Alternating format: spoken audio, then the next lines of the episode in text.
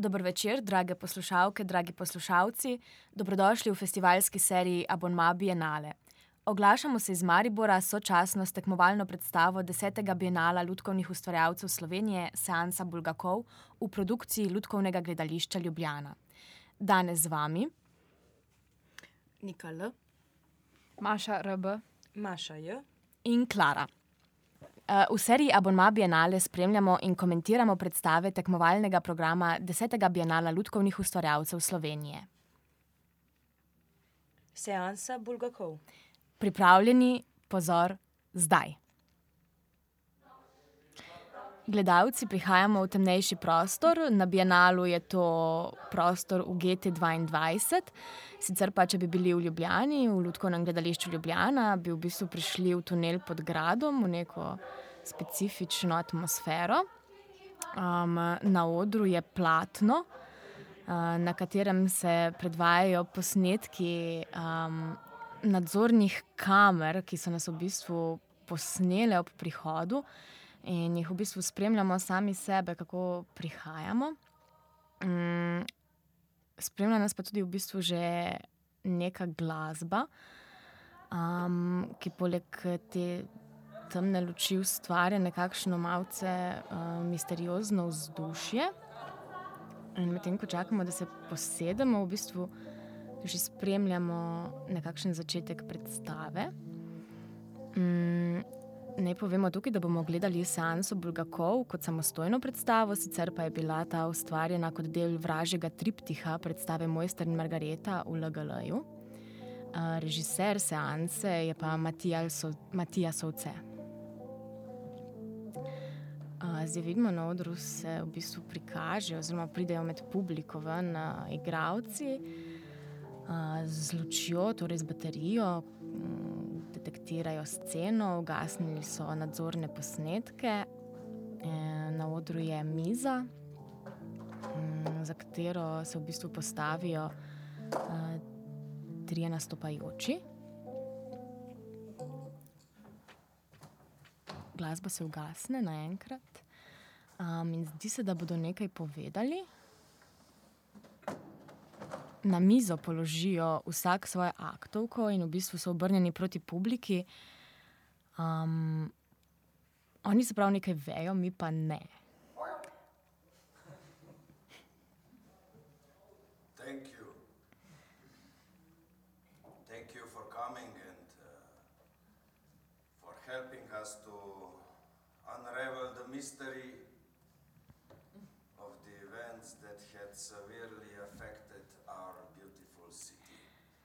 Igralci torej vzpostavijo nekakšen format detektivke z vprašanjem publiki, oziroma nagovorom publiki, najprej se zahvalijo, da smo tukaj in da bomo pomagali razrešiti to skrivnost. kaj se je zgodilo. nekako nas nagovorijo.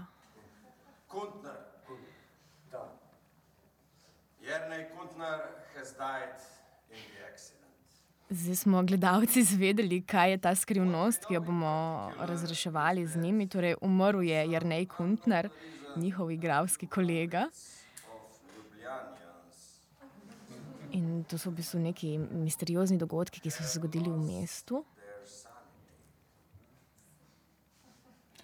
Mogoče omenimo še, da govorijo z očitnim ruskim oziroma slovanskim naglasom v polomljeni angleščini, kar je zelo zanimivo, kje smo pravzaprav locirani. za atmosferski dodatek pa je seveda pomembno, da je temperatura v dvorani ves čas konstantnih trinajst stopinj za prijetno vzdušje. Kar tudi potrjuje kostumografija samih igralcev, medtem ko morajo za, svoja topla oblačila obiskovalci poskrbeti sami. Ja, ob tem pa, glede na to, da se igralci vzpostavljajo kot nekakšni detektivi, njihova obleka ne nakazuje tega statusa. nekako zelo posebno so oblečeni, tudi, recimo frizura, nekakšni dve figici na glavi. ja, zelo zanimivo je tole metafikcijsko poigravanje, ne, trenutno smo recimo sredi pisanja nekega poročila, kar potrjuje to detektivko oziroma, bolj konkretno najbrž neko kriminalistično poročilo, glede na to, da smo bili ravnokar priča umoru oziroma pač zločinu. zelo hitro se spreminjajo tudi lutkovne tehnike. od gledališča, objekta do senčnih ljudk. Lahko prisedem. Trenutno vidimo podobo enega od osumljivcev, ki je podoben enemu od nastopajočih. Um, že omenjena trojedina družščina je uh, za omenjeno kostumografijo tudi spominja na seveda uh, pajdaše uh, profesorja Wolflanda um, in tle je zelo zanimivo interpretirati, uh, v katero segment romana se bomo spustili oziroma ali bomo to zdaj uh, komentirali iz realnih dogodkov in omenjenega kolega, pokojnega, igralskega. Mm, ker roman je pa zelo obsežen um, z vsem dogajanjem, sicer priredba v dramsko besedilo ni nemogoča. Um, smo že tudi v Sloveniji predtem bili priča. Ja, sicer je roman zelo pogosto uprizarjan ja. tudi v Ludkah, ampak na zadnje v Sloveniji sta bile v bistvu dve dramski priredbi. Ena je bila na zadnje, mislim, da od Jana Šakice, predtem pa Jrnaj Lorenci. Tako da ni nepogost roman v Sloveniji. Lahko se vprašamo, zakaj. Glede na to, da je bil prizarjen v času stalinističnih čistk in seveda tudi cenzuriran. Tako da ima, um, če vemo ta kontekst, seveda tale prizor, pisanje poročila, uh, tudi en čist drug pomen. Mogoče za tiste, ki niso tako seznanjeni z osebino romana, bi mogoče lahko v kakih par stavkih, um, mogoče neko glavno premiso ali pa vsaj premiso tega dela, na podlagi katerega izhaja, iz katerega izhaja ta um, seansa. E, jaz sem se v bistvu sprašvala, uh, mislim, se sprašujem zdaj v tem momentu, ko prvič tole gledam. Um, kako to interpretirati? Pravzaprav, je bolj, da jaz romana ne poznam, ker mi to na nek način odpira čist en drug uh, vidik. Uh, interpretacije predstave, ali uh, v bistvu onesnažujem svojo bralsko interpretacijo uh, s tem, da poznam roman, uh, ki je zelo kaotična dramaturgija. Um, ampak ja, v bistvu um, mišljeno je, kukar, da se nanaša pač, uh, sicer na roman Mojster in Margareta, ampak ne v celoti. Se pravi, nanaša se ta le seansa, kot so napovedali, oziroma smo že napovedali na ta um, začetni del romana in se pravi tu hudičevsko združčino, ne pa toliko na zgodbo Mojstra in Margarete. Oziroma se celo potem umeša spet vsebina Mojstrovega romana, uh, morda kasneje. Ja, načeloma pa naj bi, bili mi, um, naj bi se nahajali na nekem prizorišču um, in uh, pogorišču, ki ga je za seboj pustil uh, hudič s svojimi pajdaši um, v tej neki zmedi, ki jo je on pustil. In hudič je tudi eden od pomembnejših likov v romanu. A. Ampak samo če prekinem, zelo, zelo, zelo zanimiv prizor se dogaja z papirnatim gledališčem, kjer gledamo profil osumljenca, kar je bil v bistvu konec 19. stoletja in še prej zelo um, zanimiv tudi en kukar izrezovanje profilov in identifikacija storilcev v časopisnih člankih. Tako da ljudje so se v tistem času zabavali z marsičem. Um, e, in pobira razno razne drobce, ki jih pleta tlele uh, v predstavo, samo to, da prekinem to, ta kontekst. Zdaj pa očitno se um, premikamo v glasbeni part. Nasploh se mi zdi, da je glasba oziroma ritem besed, eh, zvoki, ki so zelo pomemben del te predstave, tako kot je bilo recimo prej to tipkanje na pisalni stroj, um, da v bistvu ustvarja vzdušje, predvsem pa neko pozornost drži, neko atmosfero. Zdaj smo trenutno v senčnem gledališču. Zelo hitro menjava neke ljudske tehnike, tudi sam princip dramaturgije se zelo hitro spremenja, tako da treba pravzaprav biti pozoren um, mislim, pravzaprav se je gledalec nahajal v detektivki, kje pravzaprav smo zdaj. Čeprav imamo pa občutek, da gre za tako hitro in eklektično menjavanje ali dramaturških uh, prijemov ali uh, ljudkovnih tehnik, da se gledalec tudi vpraša, ali mora vse točno definirati ali se samo prepustiti temu občutju uh, pač in uh, biti prisoten na tem satanovem pogorišču. Ja, tako smo trenutno recimo pri prizoru. Uh, nekem krčmarskem, ki je zelo generičen in prepoznav najbrž vsakemu slehrniku. Uh, tako da je poznavanje predzgodovine romana absolutno nepotrebno. Ja, s tem bi se tudi jaz strinjala. Jaz nisem, uh, ko sem prvič gledala predstavo, nisem ničesar vedela o romanu. In sem nekako do konca predstave, ko se potem stvari tudi začnejo malo ponavljati, nekako človek potem brez težav razbere dovolj konteksta, da se mu nekaj zgodi.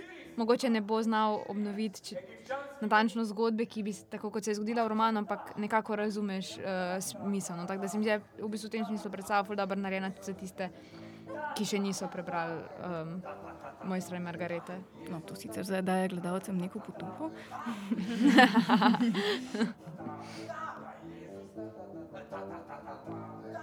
Ja, fulj zanimivo je to eh, skandiranje in poudarjanje raznih zlogov, ki iz nekih pomenov v bistvu preide v čisto muzikalno, kot smo že poudarili.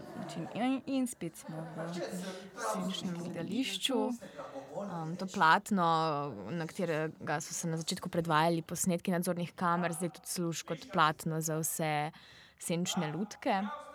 Um, in tukaj jih recimo uporabljajo kot nekakega dodatnega igralca, dvema igralcema na odru um, v tej krčmi, ker se zdaj v bistvu se pomnoži število s sencami. Pravzaprav.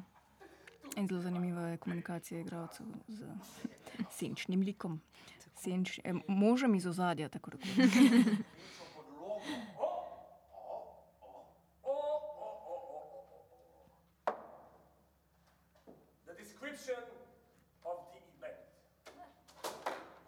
In zdaj smo spet nadaljujemo s to detektivsko formo.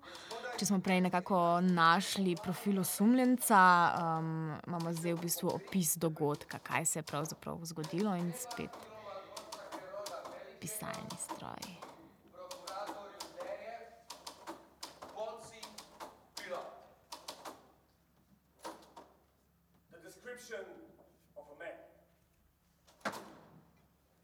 In zdaj je bil en tako prelomen trenutek, spet zaznamovan z zvokom, um, ker smo v bistvu na oder dobili nek model glave. In zdaj se to seveda poveže z začetnim dogodkom, kjer smo zavedali za obglavljanje glavnega lika, ki je manjkajoč.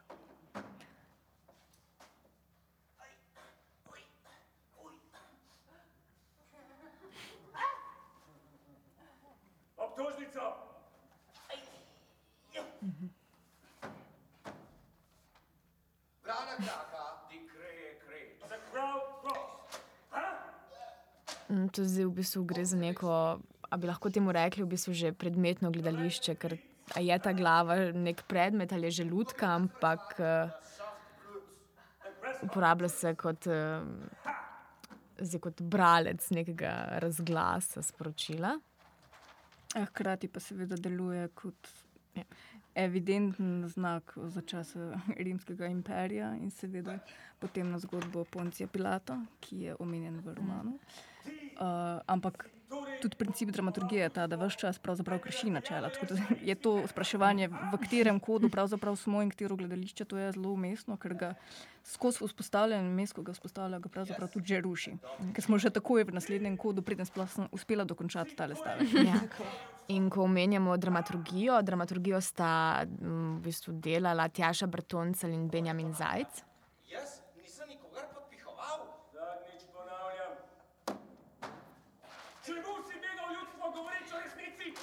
Zanimivo je pa tudi, da predstava meša jezik, v katerem govori torej slovenščino in to angliščino, oziroma rusko angliščino.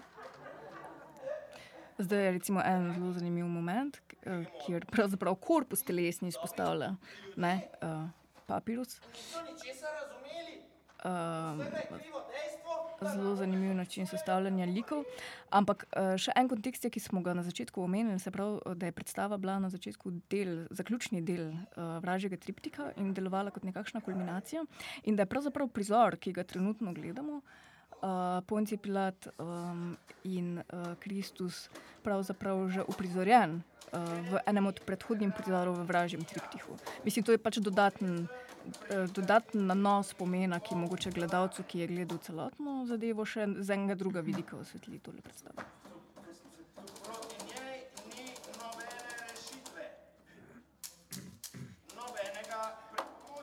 Ampak mogoče kdo ve, uh, koliko povezavi so nastajale te predstave, so bile recimo neodvisne v tem vražjem triptihu, koliko so se um, ustvarjalci med seboj dogovarjali, pogovarjali, vedeli za ustvarjanje drug drugega. V smislu uh, celotne imerzivne predstave? Ja, v, v smislu, ker je bilo pač v tem vražjem triptihu več predstav skupaj, um, koliko so se nanašali drug na drugega, koliko so bili ti deli med seboj neodvisni. Mislim, da ne vem, če, ker prvič gledamo to predstavo. Ne, uh, ne vem, če že lahko prehitevamo s tem. Uh, ampak v bistvu vražji tripih je bil pravzaprav dvodelen um, in sestavljen iz Margarete, seveda, uh, kot ženskega dela, ki ga je uprizarjala Mirjana Medojevič in se je hkrati dogajal z vražjim triptihom uh, Matija Solceta.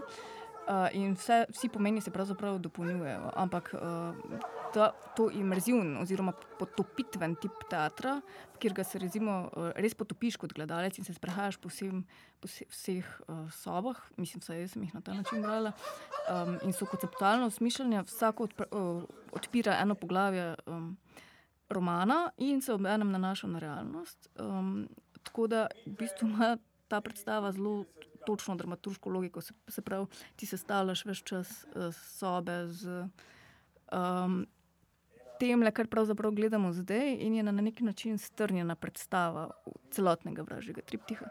Tako da mislim, da je vse zelo, zelo prepleteno, da ni pravzaprav nobenega na ključe, čeprav zgleda na tej točki rahlo kaotično.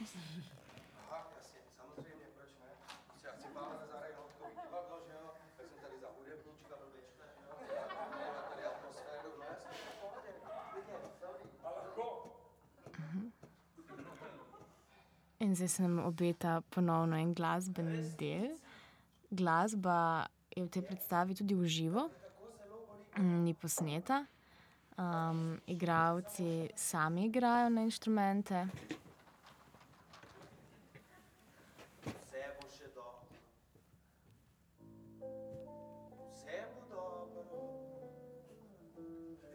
Pojavlja se tudi ta glasbeni leitmotiv osumljenec se trese. Si zdravnik? Prihaja kraljestvo resnice. Vse bo dobro. Imam idejo, preseli se v mojo. Vse bo dobro.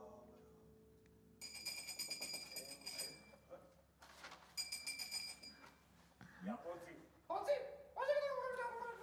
Evo, in spet nanašanje na tega Poncija Pilata.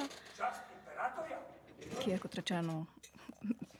Metafiziko se nanaša na njega večkrat, tako da je in lik, uh, mislim, in realna oseba, in uh, lik v mojstrovem romanu, ja. in pravzaprav je prizorjen v vražjem triptihu z Matijo Solcetom in uh, direktorjem gledališča v glavnih vlogah.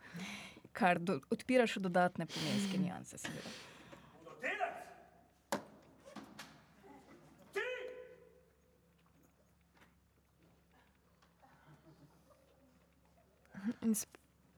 Zdaj na odru recimo, vidimo spet nek, neko zanimivo um, ljudsko tehniko v tem smislu, da je papir, razglas, papirus prevzel vlogo osebe, um, na katero se pač ponci pilat ravno kar zadrl in si torej nekako vklonil, naredil neko človeško gesto.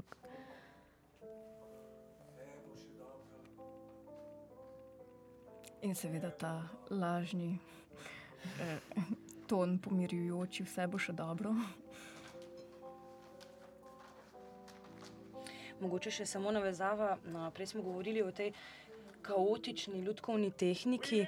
Um, Ko se v bistvu hkrati vzpostavljajo svoje vrstni kodi, pa se hkrati rušijo, ampak vse gre po principu akcije, reakcije, kar gledalci dokaj um, hitro in lahkotno sprejmemo. Um, potem je to rušenje in grajenje kodov toliko lažje. In zdaj je v bistvu ja, res dejansko sprotno komentiranje, zelo se mudi.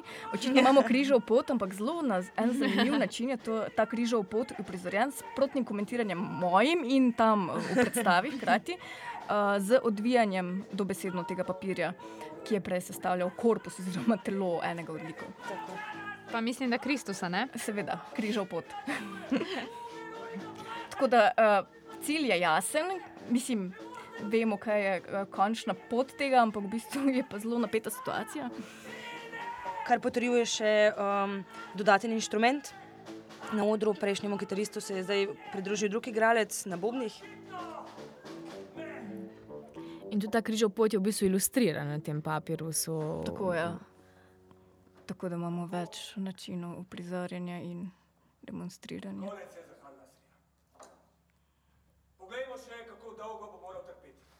In zdaj po nekem tem intenzivnem dogajanju, pospremljenem z glasbo, um, odvr vrtenjem tega svitka, um, se je spet nekaj umirilo. In... in spet spremljamo Kristusovo.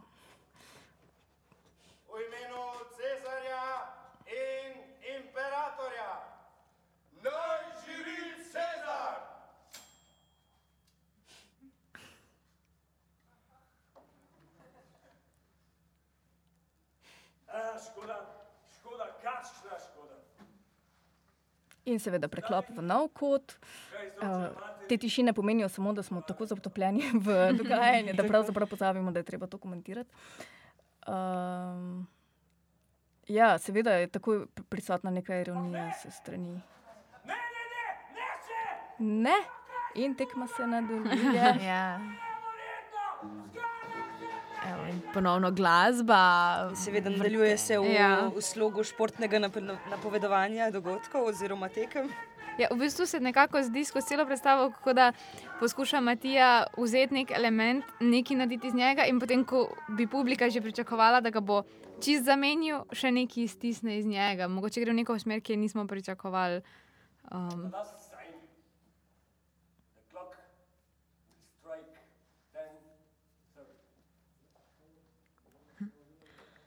Evo, in spet smo zamenjali jezik, zdaj se je pa spremenila tudi luč, in ponovno smo pri uporabi senčnih lutk In možo iz zadnje. in- in možno zadje na platnu.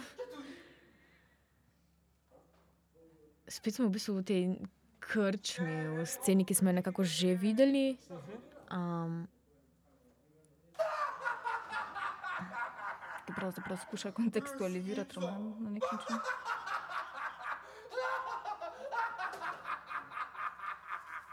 Mislim, seveda ta gromki smeh eh, v temačni dvorani, v tunelu, odmeva popolnoma drugače, kar srhljivo. Eh, Sploh glede na to, da gre za neko mafijsko hudičevo druščino, pravzaprav dobesedno.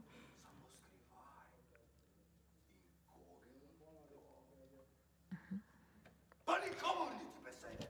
Pa v bistvu je spet ta luč na delu, ki nekako osvetli obraz samo enega od igralcev, hkrati se pa še en tak krog zarisuje um, na steni. Uh, ki osvetli druge dva, in so ti neki poudarki, ustvarja neko misterioznost, hkrati pa zelo dobre pogoje za sence. Um,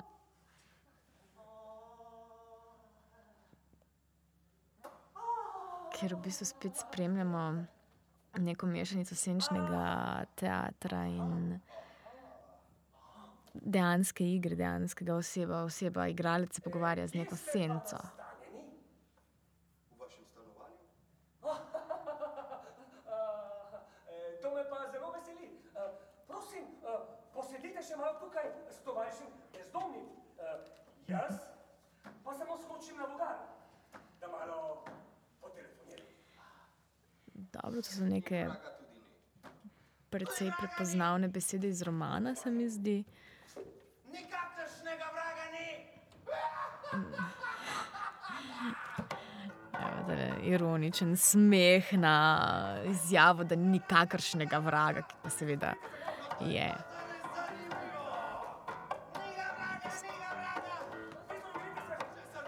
Seveda, zanimivo je, da tudi ta vražja druščina sama um, pravi, da ni vraga, medtem ko so oni utelešenje vsega tega zla, seveda. Ampak konkretno se pa na- nanaša na konkretnega vraga in uh, na Berliozovo obglavljanje, ki ga pričakujemo v romanu. Tako je. in posledično obja, obglavljanje alternativnega literarnega društva, um, ki je tudi uh, še eden od znakov, ki ga lahko vkalkuliramo v interpretacijo.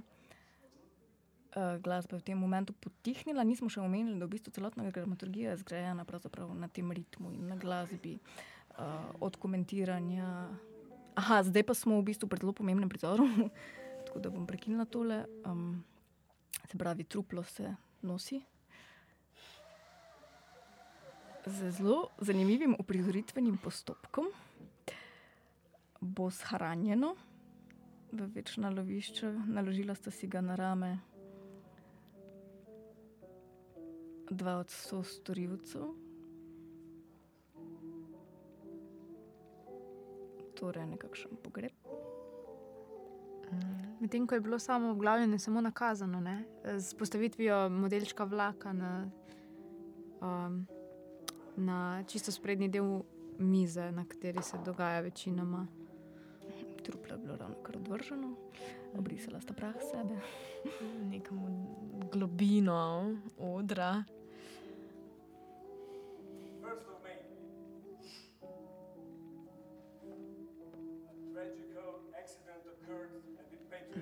Spet neko faktografsko mm, naštevanje dejstev, kaj se je zgodilo, kdaj se je zgodilo.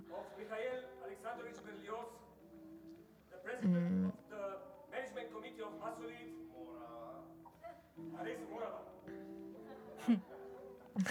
Masolit. Torej, še neko morava, res morava narediti ta zapisnik.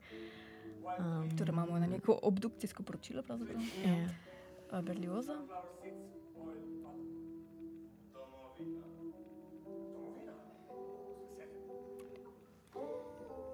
In seveda ponovno uh, nanašanje na zvočni pomen samih besed.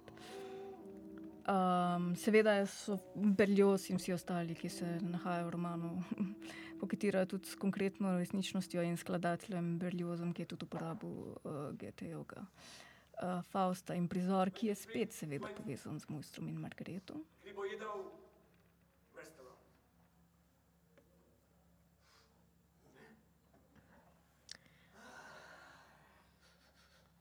Evo, in zdaj imamo um, prizor dialoga, uh, v katerem uh, lahko vidimo tak en uh, primer predmetnega gledališča iz čisto običajnih predmetov in sicer gre za uh, škatlice za cigarete, ki ste jih par minut prej še uporabili, torej kot cigaretne škatlice, zdaj sta pa to postala dva, dva lika.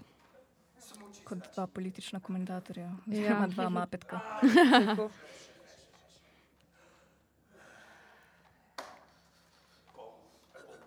Na čik pauzi, Je je je ki zdaj na In tej tukaj se točki citira tako. so- Kosovela, točno tako.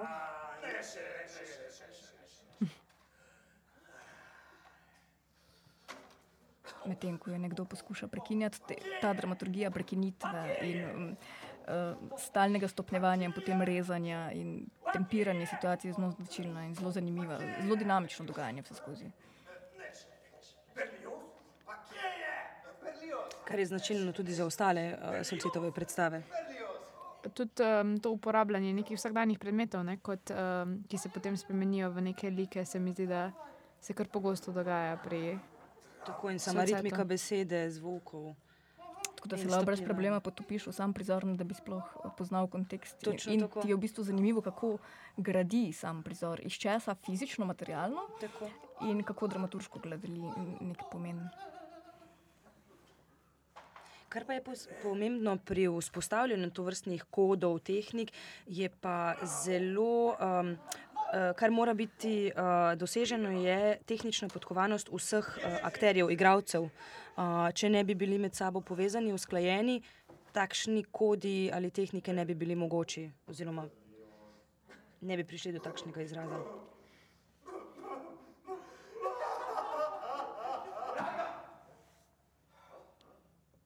Ma ni ga vraga. In vrak se je ponovno pojavil.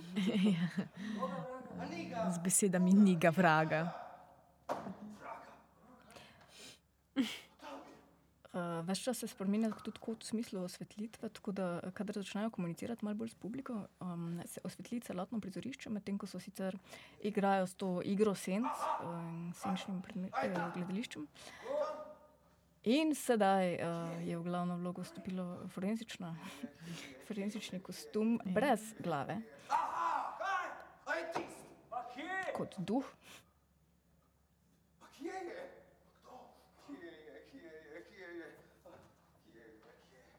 ki brez glavo nekaj išče, dobesedno brez glavo. Ja.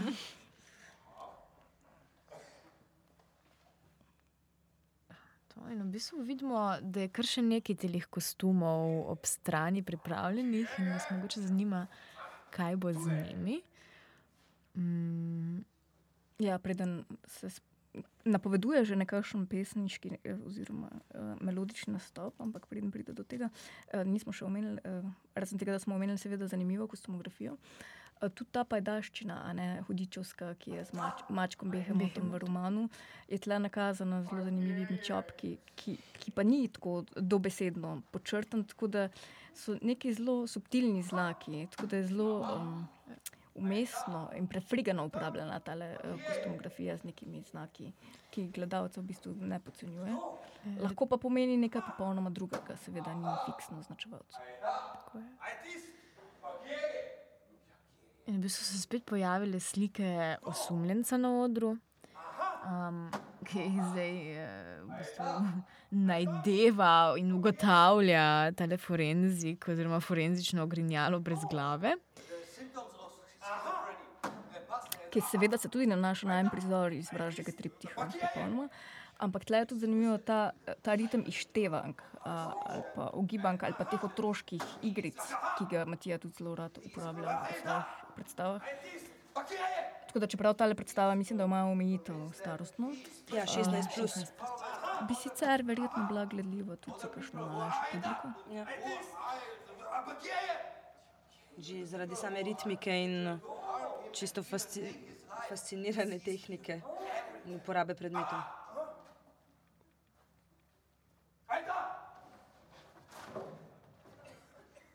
Ja, v bistvu nas tempo in to, hi- te hitre menjave nas stalno držijo budne, pozorne. Um, in pozornost publike privlačijo. Zdaj so se v bistvu gledalci obrnili zelo proti publiki in gledajo po publiki, um, kje je, oziroma se tam je. Tam je, tako da se seveda kaže na različne točke v publiki, ne samo en, eh, na enega. In v bistvu zdaj imamo nek prizor iskanja, kjer ne vemo niti kje, niti kdo, ampak vemo, da je. Ki zdaj že v nek rep prehaja. Ja. Gestikulativno zelo močen. V bistvu predstava res nenehno preseneča. In zdaj smo sred koncerta. Tako.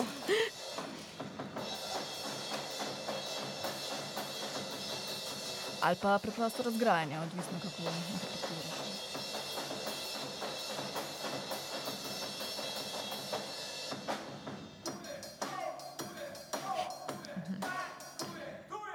Tudi en specifičen humor ima ta predstava, ne? ki je sicer blazno črn.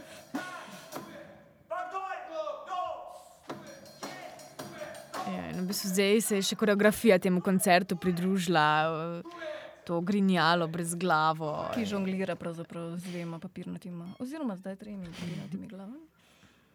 Um, sicer ne vidim do tja, ampak verjetno z različnimi izrazi na obrazu. Uh, tako da je tudi to čustveno prehajanje tega brezglavnega lika je zanimivo. Kako se pa piše? Ja, to se v bistvu lahko še vedno, kako se pa piše, nanaša tudi na osumljenca iz začetka, ker v bistvu ta glava, trenutna glava brezglavega ogrinjala, je ena od slik uporabljenih na začetku, ko smo še detektirali, kdo je osumljenec. Za... Gre pa za sliko enega izmed igralcev, ki je tudi, mislim, da bil del enega prizora v Vražnem da za tiste, ki so mogoče videli celotno izkušnjo, je bil to še en dodaten, ena dodatna plast um, v predstavi. Ja, treba je povedati, da je bil celoten vražji triptih zgrajen ob 70-letnici Ljubkega gledališča Ljubljanskega. In je um, v bistvu se nanašal na celotno zgodovino slovenskega lutkarstva, tako da je ta eh, pohod smrti v Mojstru in Magreti uprizorjen skozi zgodovino lutkarstva, hkrati se pa nanaša na konkretno politično uh, situacijo. Um, se pravi, z Janijem Kovačičem in njegovo revolucijo, uh, več čas ustvarja vrzeli v realnosti, v kateri se nahajamo. In to je to, kar se pravzaprav dogaja tudi trenutno v tem prizoru uh, z osumljencem, kdo je, uh, je pravzaprav na nek način ključno vprašanje te predstave, kdo je. Um, in mislim, da ga ni treba zgledati zgolj fikcijsko. Aha, in zdaj smo spet v drugem kodu.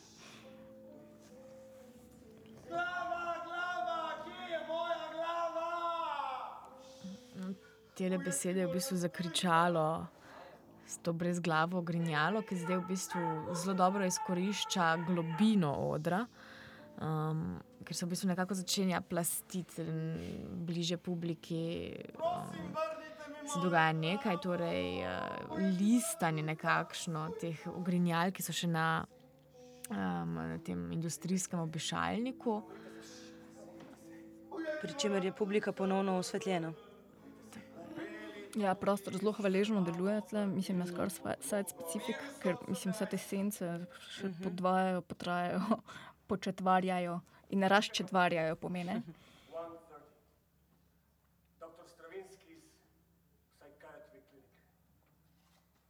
In tle je še en realen dogodek, upleten um, preko vloge Stravinskega, ki je tudi um, napisal Hudičev ples.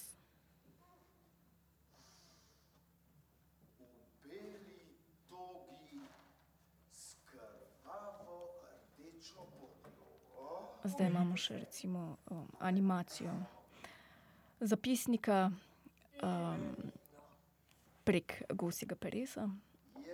Se pravi, tudi načini zapisovanja se spremenjajo, od tipkarskega stroja do papirusa uh, Gosjega Peresa. Uh, prehajamo zelo različna stoletja v tej predstavi.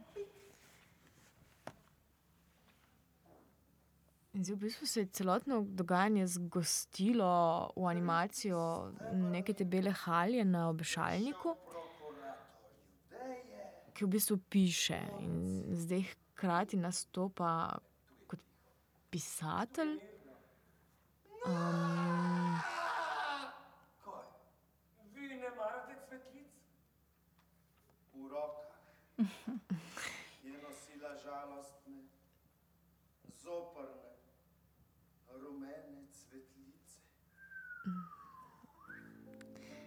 pa tudi sama vloga tega ogrinjala prehaja, ni, ni nekako vedno ena in ista oseba.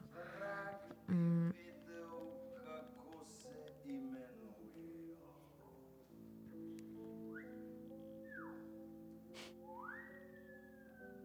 in v bistvu poigravanje, um, kaj omogoča ogrinjalo in neko poigravanje s cvetlicami, ki drsijo. Um, Zavila je kot pri neki zadrgi ogrinjala. in se obrnila. Kaj? Kaj?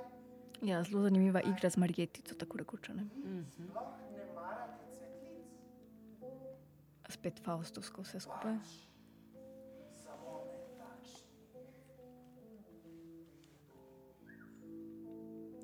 In spet to vrstna animacija z Marjetico je res že postala uh, skoraj da solcetov podpis. Uh, to vrstno animacijo najdemo v mnogih, mnogih uh, predstavah.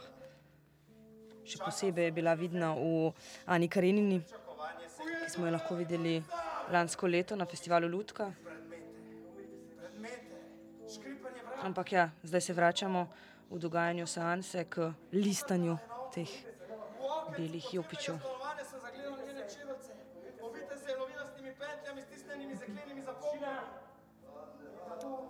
Pa mislim, da se nam spet obeta en glasbeni del, ker je eden od igralcev, se je eden pripravil za kitaro.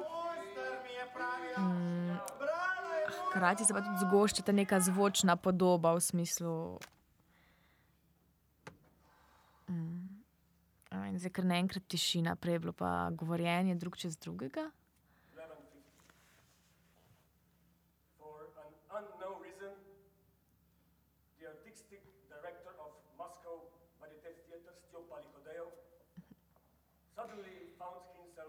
In v bistvu vidimo, um, če, uh, zelo zanimivo poigravanje je bilo, ker se je v bistvu roka podaljšala, ker se je zakrila z, z to nekako Vrnili smo- pregrado. Ja, vrnili smo se pa v bistvu tudi v vsebino romana, ravno kar je povedal.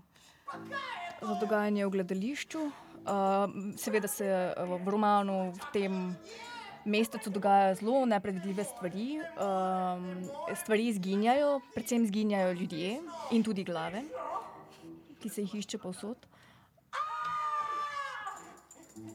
In spet imamo preklop v drug kot gledališča, um, spet z dvema karikaturama. Tole podpišite, prosim.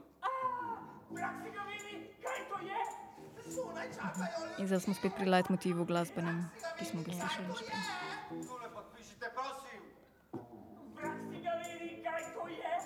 Ki je sestavljen iz stetoskopa, ne? Kaj to je. In spet en song v bistvu. Ki gleda zlomka, vsebuje besedo vrak.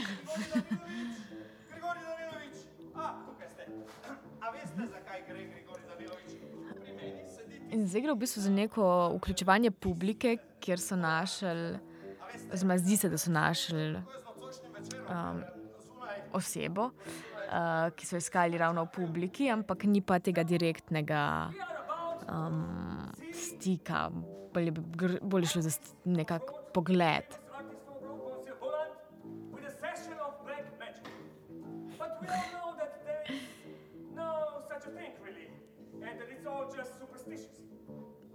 In zdaj pač to. Poigravanje, um, spraševanje, a je črna magija resnična. Um, to seveda pove vrak. Um,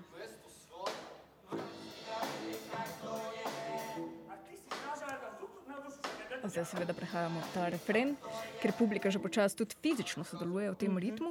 Ampak zanimivo je to, kar si omenila, ja, ravno kar omenjene to črno maginje, ker uh, igralec pravzaprav vcepi dvom v realnost uh, gledalca. Um, in seveda prizori, ki se vse čas menjavajo v zadju, ki spominja na laboratorijsko situacijo, gre pravzaprav za uh, simulacijo blaznice. Um, in seveda se spet nanaša na konkretno realno ozadje uh, dogajanja romana. To je čarovnija. Brak si ga vidi. Od kod pa se je vzelo tistih 400 dolarjev, ki so bili najdeni v stranišču stanovanja, močna sprememba svetlobe, ker se je v bistvu vse zatemnilo, in edini vir svetlobe je ta ročna svetilka, baterija, um, ki osvetljuje točno določene dele, recimo obraz. Um, in deluje kot nekakšen spotlight v bistvu v tem koncertu. In seveda vse se dogaja v omenjenem stanovanju, ki v eni od prizoritev mojstra in Margarete je bil celo personificiran kot lik. Tako da je nastopala oseba dejansko pod uh, nazivom stanovanja. Uh, tako da več časa se poigrava tudi s to logiko uh, resničnosti, in glede na to, da smo tlele zaprti v nek tunel in ne vemo, kaj se dogaja zunaj, um, spostavlja zelo zanimivo vrzel uh, realnosti.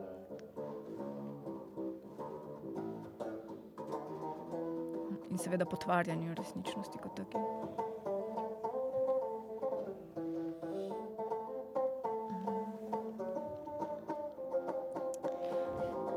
No, Filip Šepšajevič zdaj solira. Ja, hkrati se je pa spet spe- svetloba spremenila. Um, nekaj tako mračnega, ampak da bi recimo izhajala iz svečne svetlobe, še tako mačke medli. Um, Nismo omenili še ostalih obeh igralcev, smo jih, Gašpor Jamalnar in Ne. Miha Arha. In vsi trije so zelo usklajeni glasbeno in tako ali drugače. Ampak tudi tako karakterno zelo prezentni. Mislim, so v bistvu tako rekoč nezamenljivi. Ja. Samo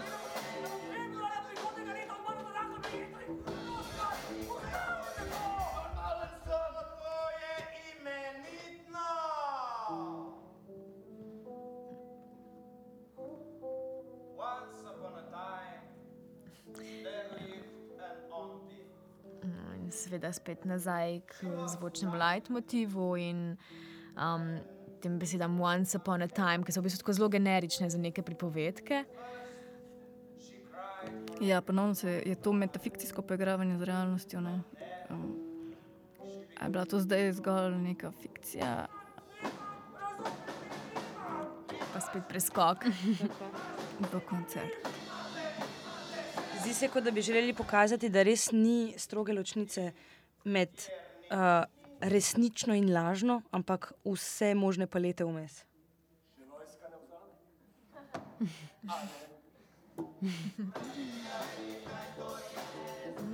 Zraven neke te univerzalne resnice, oziroma pregovori, če ni nič, še vojska ne vzame. Um, pa spet je ja, to preigravanje, kaj je resnično in kaj ni.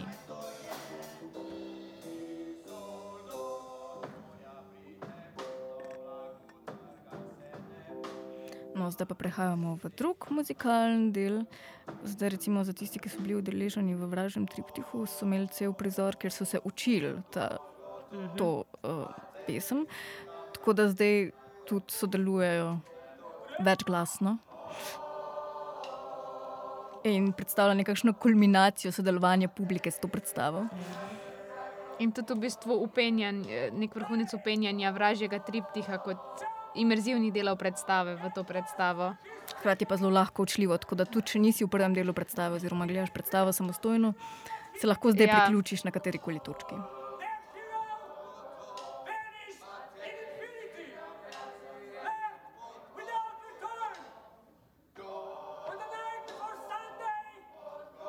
V bistvu se publika eh, ustvarja neko zvočno podlago, pravzaprav, uh, ki podpira igralca. Pod Golgoto. Ja.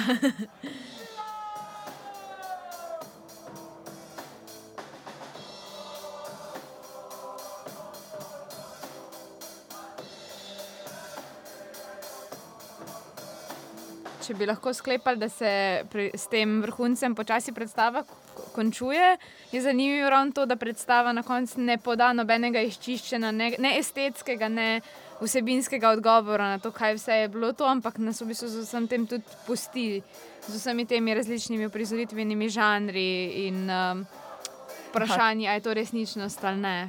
Tla vidimo zdaj Matijo. Senčnem gledališču, oziroma real-time sence. Ampak ja, zanimivo je točno to, da ni nekega moralističnega nauka oziroma distanciranja od materiala, ampak je ta pobalinskost in porogljivost vse čas prisotna, uh, kar je zelo osvobaj, osvobajajoče na nek način za gledalce. Ja.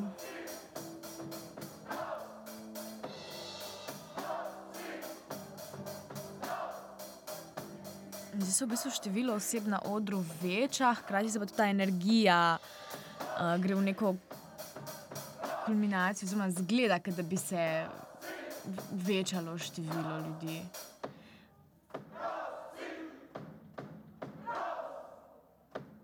V nekakšnem unisonem gibanju, kot dejansko na koncertih. Ja, lahko je pa tudi priprava za revolucijo. Ne? Ali to?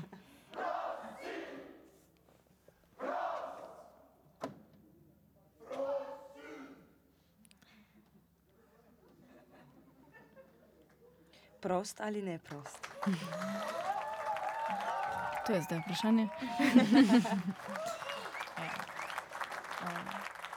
Predstava se je izpeljala do konca. Um, v bistvu, Priklon. Ja, posnetek je očitno iz um, vražjega triptiha, tako da imamo uh, vse prisotne še enkrat kot en deja vu, kaj se je dejansko zdaj zgodilo v tem momentu.